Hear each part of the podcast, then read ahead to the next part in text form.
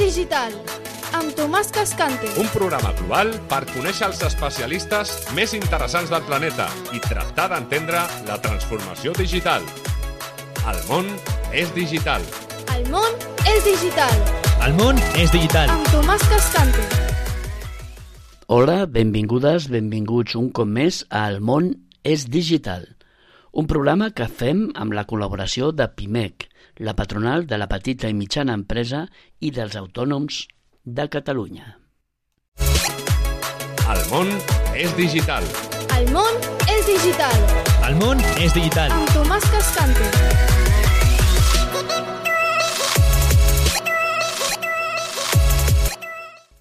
Aquest programa es diu El món és digital i no cal que us expliqui que vivim realment a un món digital envoltats de tecnologia i que un dels perills és que la tecnologia ens absorbeixi i ens, i ens acabi dominant. Avui presentem un llibre que tracta una mica de tot això. El, el llibre, de moment està en versió castellana, es diu Rehumanizando la tecnologia y con a subtítol Claves para sobrevivir como especie en la era digital. Un llibre escrit per la Joana Barbany. El món és digital.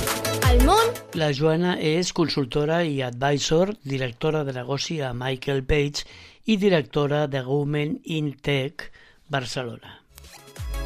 El món és digital. El món és digital, El món és digital. amb Tomàs Cascante.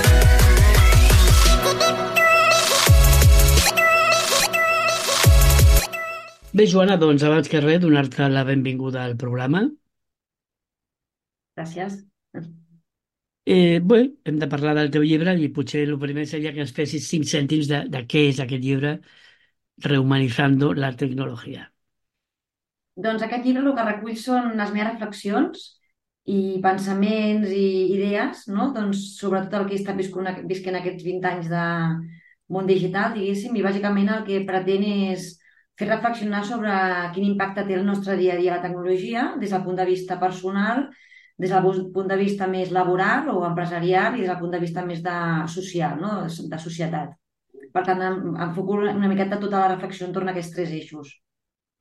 Bé, escriure un llibre és una cosa que més o menys, eh, si no tots, molts tenim al cap i idees no ens falten, però posar-s'hi a escriure'l és realment un, un, un, un supertreball. Què, què, què et va imposar realment impulsar a escriure'l i, i quines dificultats vas tenir de, de vèncer aquestes, aquestes incomoditats, vaja, d'escriure un llibre? Pues ha sigut un procés molt complicat, la veritat, jo no ho havia fet mai i també he sigut molt autodidacta perquè ningú m'ha dit, ningú et diu com es fa això, jo no ho sabia fer. Llavors he anat una miqueta, sí que tinc una editorial doncs, que m'ha ajudat a posar el llibre en marxa, però tot el que és la, no, la redacció, els continguts, tot això ho fas tu.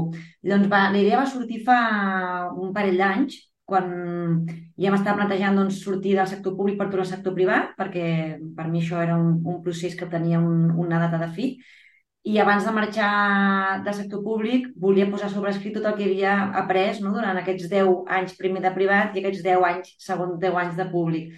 Perquè penso que al final bueno, que és interessant plasmar el que aprens, perquè si no mm, te n'oblides. I va ser un exercici de, com de vomitar tot el que em tornava pel cap i mirar de tenir-ho sobre un paper, no? I també d'autoconeixement, perquè, com bé saps, per anar per aquesta vida i, i anar superant obstacles t'has de conèixer molt bé, has d'entendre molt bé qui ets i em va, anar- era un, va ser un moment com de, de coneixement, no? de on volia anar, què volia i escriure un va, va formar part d'aquest procés.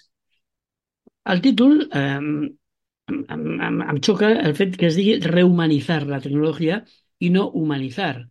El re, explica'ns una mica el re i l'humanitzar, vaja, el tot. Està claríssim. Humanitzar la tecnologia, tothom ho diu ara, i de fet és, crec que és el claim de la Capital per, per, de partir d'ara.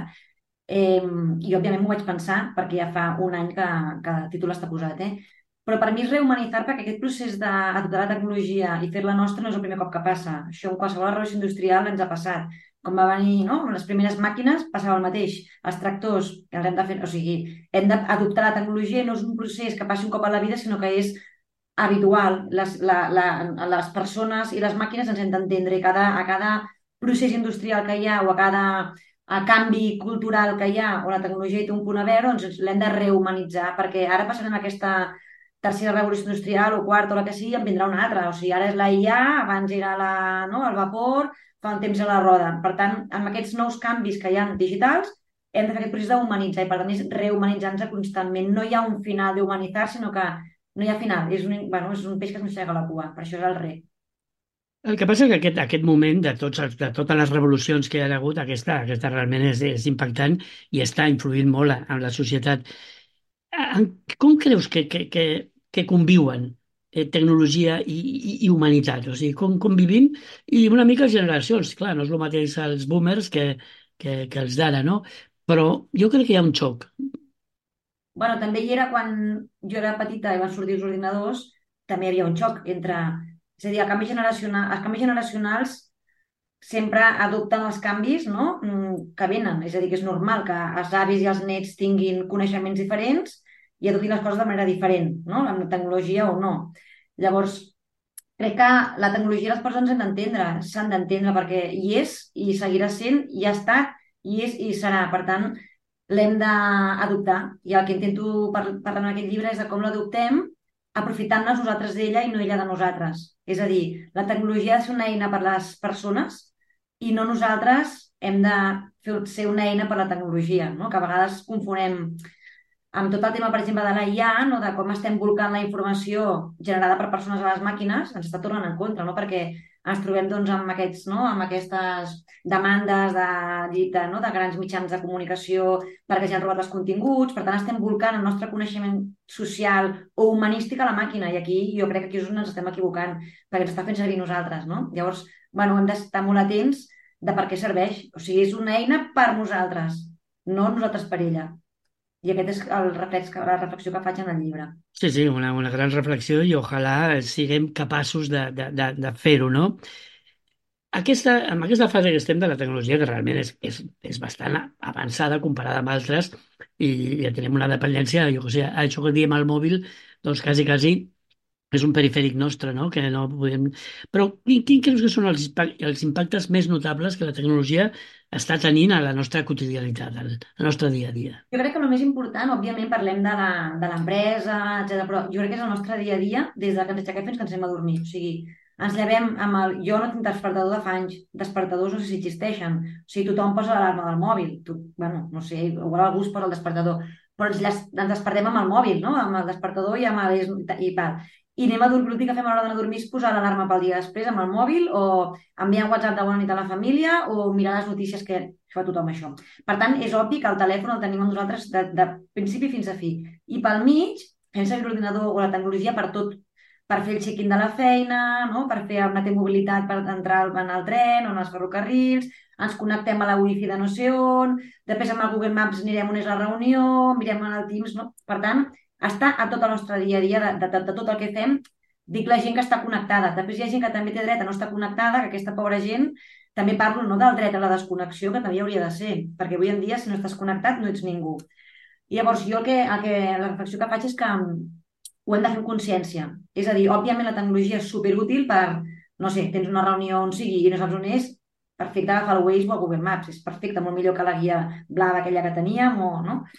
Però també hem de saber mm, on està el nord, no? I saber-nos guiar sense el Google Maps, perquè què passa? Que te'n vas a buscar bolets i no saps on està el nord, perquè vas sense mòbil. Llavors, fer servir la tecnologia sí, però sense perdre els nostres valors com a persones. O sigui, no perdre't sense el mòbil hauria de ser un must. I avui en dia hi ha gent que sense el mòbil no se'n moure. Jo jo vaig en aquestes grans veritats, no? O sigui, hi ha coses que hem de poder fer sense el mòbil, o parlar, o, o, no? o fer segons què, que sense el mòbil no sabem fer. Hi ha gent que no sap fer. La gent jove no sap agafar i trucar. També el telèfon, un telèfon normal, eh? o és igual, o, o, o anar a picar a la porta del veí i parlar. Tots són whatsapps, perquè clar, jo, així ja val, doncs no. I jo reivindico tecnologia sí, però hi ha eh, activitats diàries que hem de seguir, seguir fent com a persones. O sigui, parlar, comunicar-nos, orientar-nos, no? cuinar, no sé, coses que, no, que la tecnologia no pot fer. Sí, però a- això que acabes de dir, per exemple, aquesta, aquesta incapacitat per comunicar-se o por, perquè ja no sé si és incapacitat o por al, al, al- face-to-face, no? Tu creus que això es passarà i tornarem a, a, a interactuar, aquestes noves generacions, o no? O realment acabarem tots... bueno, perquè ara hi ha coses que inclús nosaltres hem canviat. Jo abans et trucava pel mòbil. Ara et poso un WhatsApp per dir, et puc trucar? Vull dir que sí que hi ha canvis, però en quina mida això es quedarà i en quina mida tornarem a, a la humanit, humanització, Sí. per senyar el mal teu A veure, o sigui que jo crec que fer servir el WhatsApp perquè et puc trucar és molt millor que trucar, perquè menys no, si estàs fent alguna cosa no molesta. Per tant, això, o sigui, perfecte, no? Em sembla que és una eina estupenda. Ara, enviar WhatsApp, per exemple, amb els aniversaris, jo hi ha gent que la truco, perquè vull, vull felicitar-li l'aniversari per telèfon, no per WhatsApp. També et dic que reps WhatsApps de gent que d'any en any et feliciten i mai més et diuen res.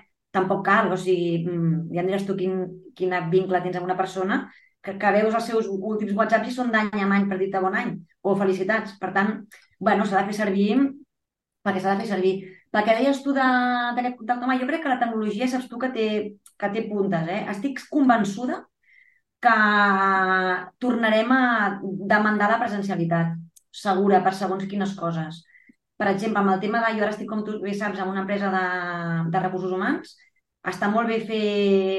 T'estalvies molta feina fent eh, Zooms no? per fer entrevistes, però l'última l'has de fer en presencial i cada vegada se'ns demana més. O el tema de la feina, de la presencialitat de la feina, lloc del teletreball, també s'està tornant enrere perquè s'ha vist que et perds alguna cosa, no? Llavors, jo estic convençuda que la farem servir perquè et treu d'apuros o bueno, no? de, de, de moments complicats i, òbviament, és superútil per fer segons què, o un xat familiar per dir qui ve a dinar, a casa meva que som sis, jo mai sé qui ve a dinar, qui ve a sopar, doncs ho poso al xat qui ve a sopar, qui ve a dinar, i és perfecte, no trucaré a tothom per saber qui ve a sopar, qui ve a dinar.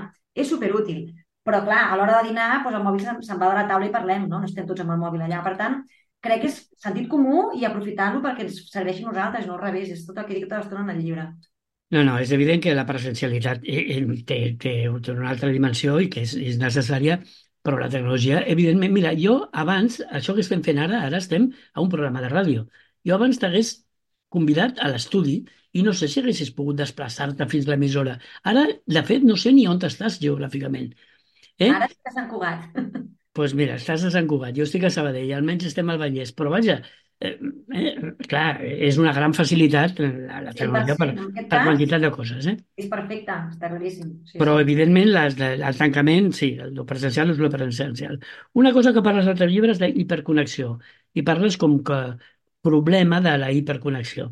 Fes-nos també cinc cèntims de què, què, què vols dir. Bueno, jo crec que un dels problemes que hi ha ara és aquesta hiperconnexió de la gent jove, que està hiperconnectada. O sigui, jo puc viure sense, a veure, sense mòbil, puc estar una estona o una tarda sense mòbil, o fins i tot me'l deixo a vegades a casa quan em vaig a caminar i no me l'enduc i no passa res. Um, diferències per treballar, eh, que necessito, però puc viure una tarda mm, si me'l deixo a casa i no tinc no haig de treballar. La gent jove viu amb el mòbil, o sigui, sense el mòbil estan morts. Llavors, això és un problema. Els hem d'ensenyar a desconnectar um, i això és una feina de, de les famílies, eh? i dels pares i les mares, no de l'escola, com s'està intentant ara, que també, però no només de l'escola. És un tema educacional, de responsabilitat dels pares i de les mares, d'ensenyar als nens i nenes a desconnectar quan toca unes estones al telèfon. Al vespre doncs, no pot estar el telèfon a l'habitació, un nen petit. Després, quan són grans, òbviament ja saben gestionar, eh? però bueno, eh, és que si no, és un, aquest és el gran problema per mi que tenim, i és un tema d'educació. Sí, de pares i educadors, però també de, de, dels mèdia, eh? perquè les, la, la, el que estan passant per, per els canals, siguin de televisió o siguin de tipus Netflix, vull dir, també ens estan venent uns models que potser no, no són els més ideals. També parles de balanç digital. Com, com, com, com podem balancejar o, o coordinar aquestes dues vides, la nostra vida particular, per dir-ho així, i, o, o la que depenem, depenem del... El problema està, Tomàs, quan no discerneixes la, la vida real de la digital. Val? O sigui, jo crec que nosaltres, que ja som persones adultes i madures, doncs no hi ha problema, però sobretot la gent jove, jo tinc quatre fills mm, ja postadolescents, eh? però bueno, dels 17 als 21, i més petits encara és pitjor, poden arribar a confondre la, la virtualitat amb la realitat, o sigui, estan visquent coses que no són reals, i passa molt. Sobretot passa amb el, amb el metavers, ara està cap a caiguda, però tot el tema dels, no, dels videojocs, d'estar hiperment connectat amb un món que no és el real, això és un problema, perquè hi ha gent que pot arribar a confondre, llavors tu has de tenir molt clar que és real i que no. Um, per exemple, amb el tema dels amics, no? de- dels- d'Instagram i dels TikToks, o sigui, allò és mentida. Sí que hi ha gent que... O sigui, tot el que diuen allà, la veritat, la, la veritat és, és fake. O sigui, no tothom està tan content ni és tan feliç, ni tens tants amics, ni... no és veritat. O sigui, la veritat és, la... no és, és així, jo dic, no és veritat. Potser, a veure, una, un, un percentatge baix ho és, però la majoria de coses no són realitat. Parlo d'aquestes xarxes de, socials, eh? Sí, sí, sí. Llavors, tu has d'haver saber discernir de, quan veus un missatge, quina part de realitat hi ha i quina part no és, no és real. No? I, i, i perquè, clar, perquè si no tu ets un desgraciat, ets l'únic, que això passa molt amb aquesta infelicitat, que parlo, tothom és feliç i tu t'ho estàs perdent tot, no? Aquest síndrome que hi ha de me lo estoy perdiendo. Bueno, llavors hem de...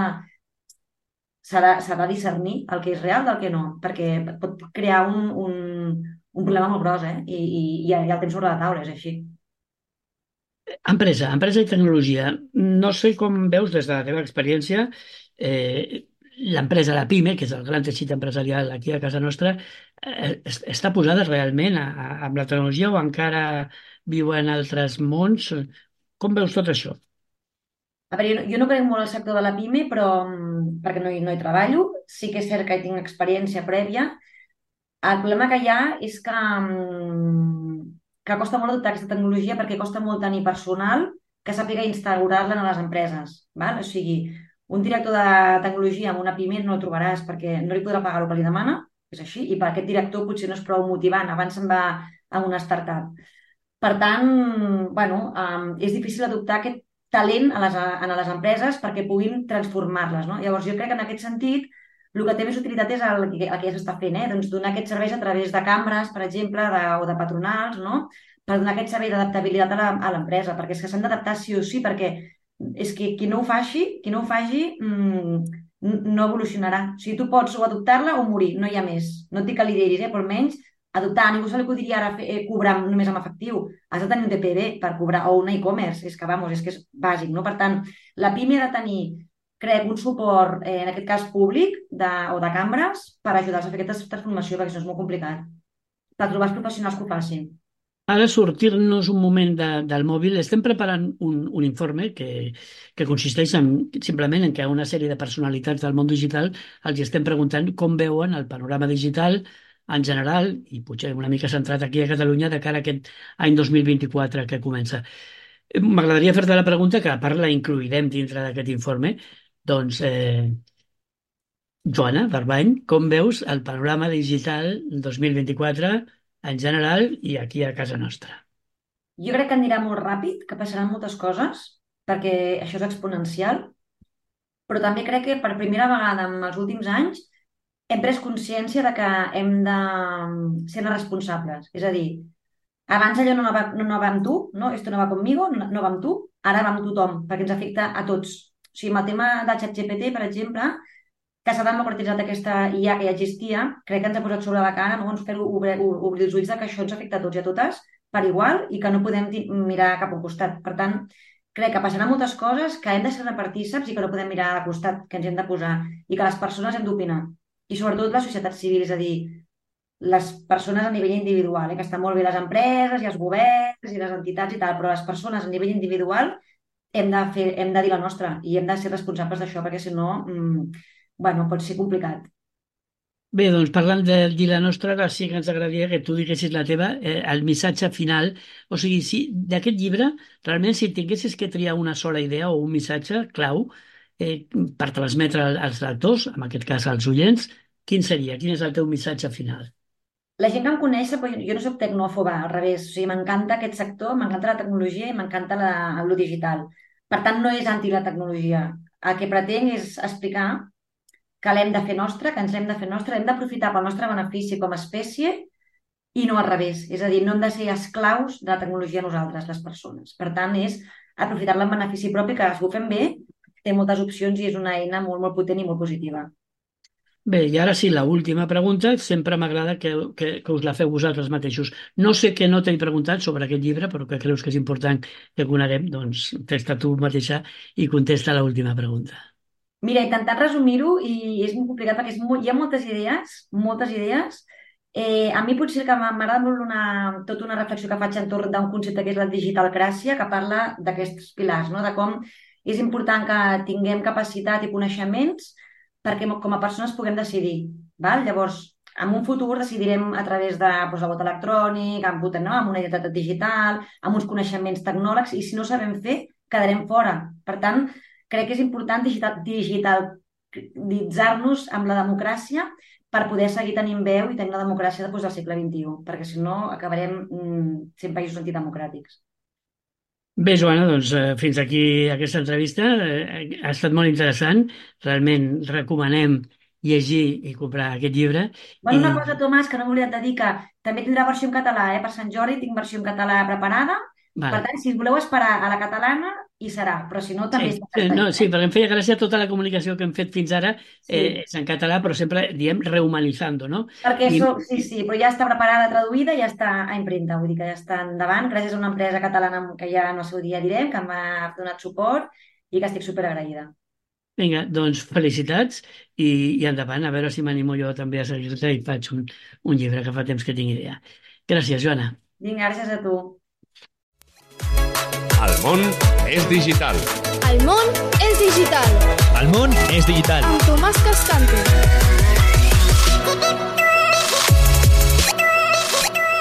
I ara és el torn de la Marta Clua, que, com sabeu, acostuma a presentar-nos eh, llibres interessants. L'espai es diu TocTec perquè són llibres, novel·les, eh, que tenen un toc tecnològic. Vinga, Marta, endavant.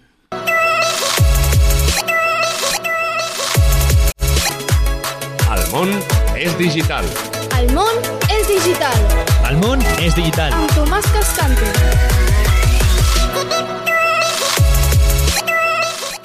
Us faig una breu ressenya de la història.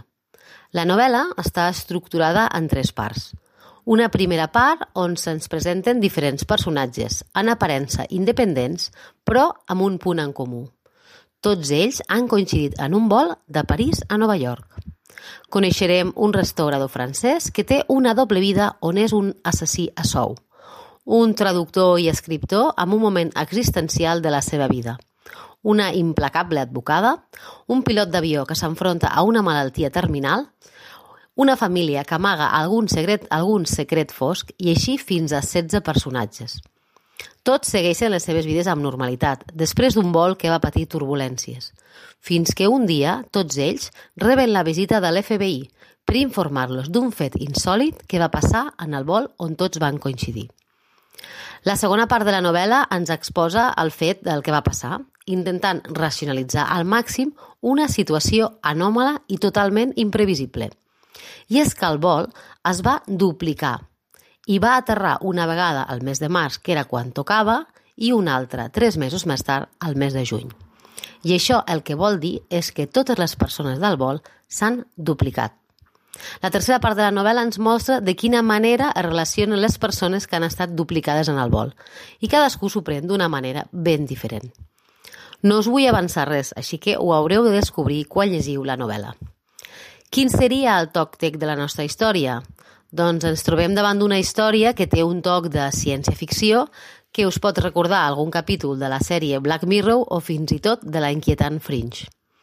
Les teories que s'exposen van des de la possible creença de que es tracten d'una impressió en 3D de l'avió i de les persones, fins a, a la creença que potser ens trobem davant d'una situació de simulació de vides, de manera que les vides d'uns són les reals i les altres s'han creat en un entorn virtual. Polítics, militars i científics d'arreu s'uneixen per intentar trobar l'explicació més plausible i en surten moltes i variades teories. Un dels aspectes que més m'han agradat és el ventall de personatges, molt ben treballats. Cadascun té una història coherent que pots anar seguint al llarg de la novel·la. De fet, alguns dels personatges potser es mereixerien una novel·la i tot. Malgrat el punt d'intriga i de misteri, la novel·la té molts ginys interessants, incorporant a personatges reals dins de la trama i moltes referències a pel·lícules i sèries de ciència-ficció que es troben a l'imaginari de tots. L'anomalia és una novel·la que planteja moltes preguntes. Què faries si trobessis el teu jo duplicat? Com canviaria la teva vida? Canviaries algunes decisions si les poguessis anticipar? I tot això ho fa amb elegància, originalitat i un sentit de l'humor que m'ha semblat trop chic. Espero i desitjo que us agradi tant com a mi. Bé, i fins aquí el programa d'avui, el que hem tingut a la Joana Barbany i a la Marta Clua. Res més, eh, us espero, com de costum, la propera setmana aquí al món és digital.